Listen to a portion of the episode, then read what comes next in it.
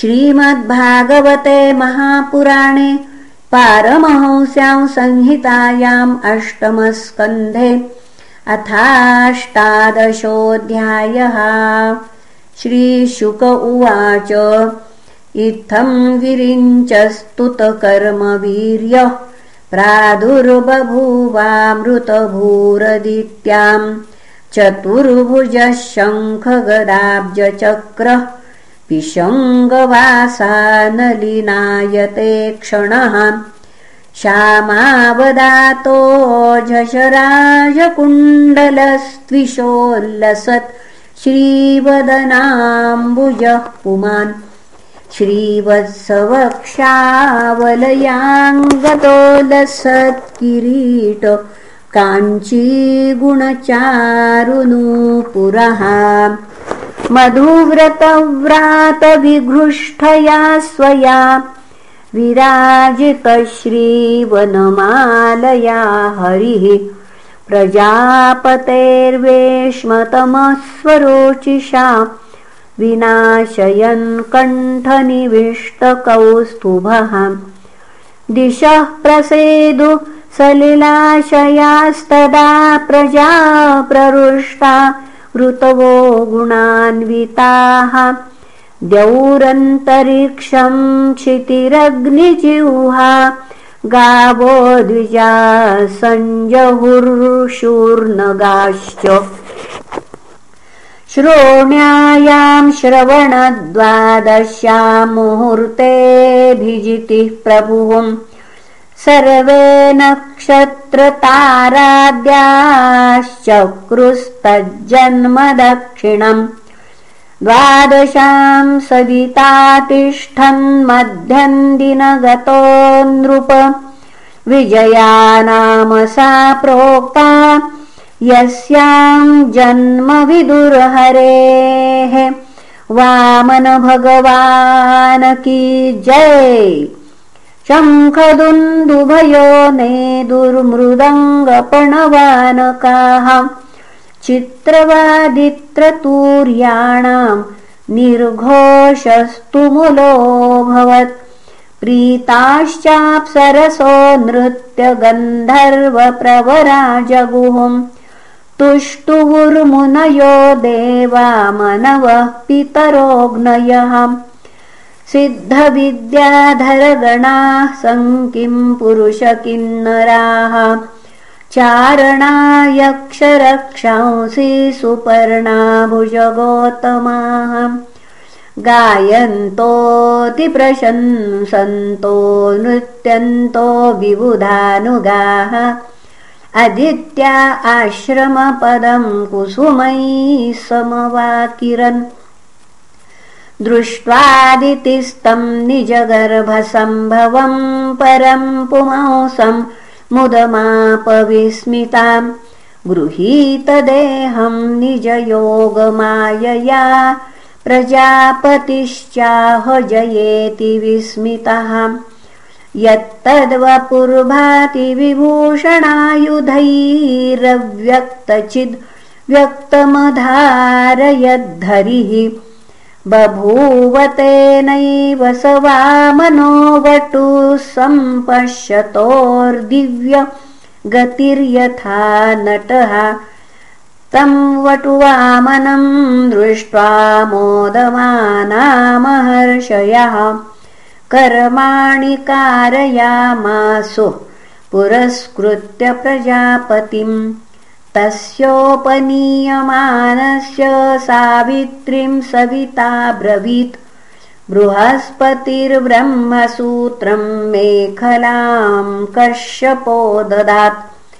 ददौ कृष्णाजिनं भूमिर्दण्डं सोमो वनस्पतिः।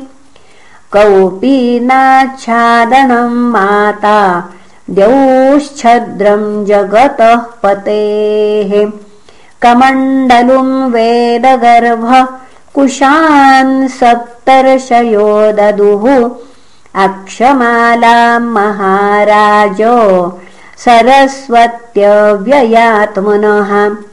तस्मा इत्युमनि पुनः तस्मा इत्युपनीताय यक्षराट्पत्रिकामदात् भिक्षाम् भगवती साक्षादुमादादम्बिका सती। स ब्रह्मवर्चसे नैवम् सभाम् सम्भावितो वटुः। ब्रह्मर्षिगणसञ्जुष्टामत्यरोचत मारिषः वह्निम् कृत्वा परिसमोहनम् परिस्तीर्यसमभ्यर्च यस्मिद्भिरजुहोदद्विजः। श्रुत्वाश्वमेधैर्यजमानमूर्तिजम् बलिम् भृगूणामुपकल्पितैस्ततः। जगाम तत्राखिलसारसंवृतो भारेण गाम् सन्नमयन् पदे पदे तम् नर्मदायास्तटः उत्तरे बलेर्य ऋत्विजस्ते भृगुकच्छसौज्ञके प्रवर्तयन्तो भृगवः क्रतुत्तमम् अव्यचक्षतारादुदितम् यथारविम्।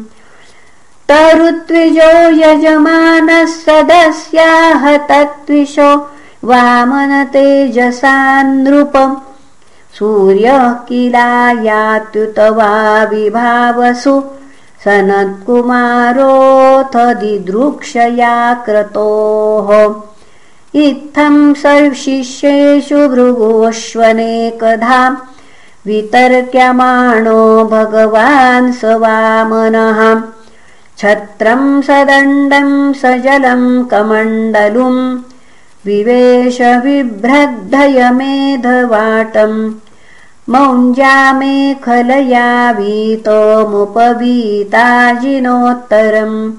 जटिलम् वामनम् विप्रम् मायामाणवकम् हरिम्।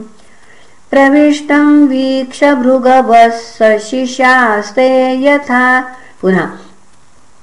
प्रविष्टम् वीक्ष भृगव सशिष्यास्ता हम्म, पुनः चुकलं. प्रविष्टम् वी पुनः प्रविष्टम् वीक्ष भृगव सशिष्यास्ते सहाग्निभिः. प्रत्यगृह्णन् समुत्थाय संक्षिप्तास्तस्य तेजसाम्. यजमानः प्रमुदितो दर्शनीयम् मनोरमम् रूपानुरूपावययम् वयवम् पुनः रूपानुरूपावयवम् तस्मा आसनमाहरत्। स्वागतेनाभिनन्द्याथ पादौ भगवतो बलिः।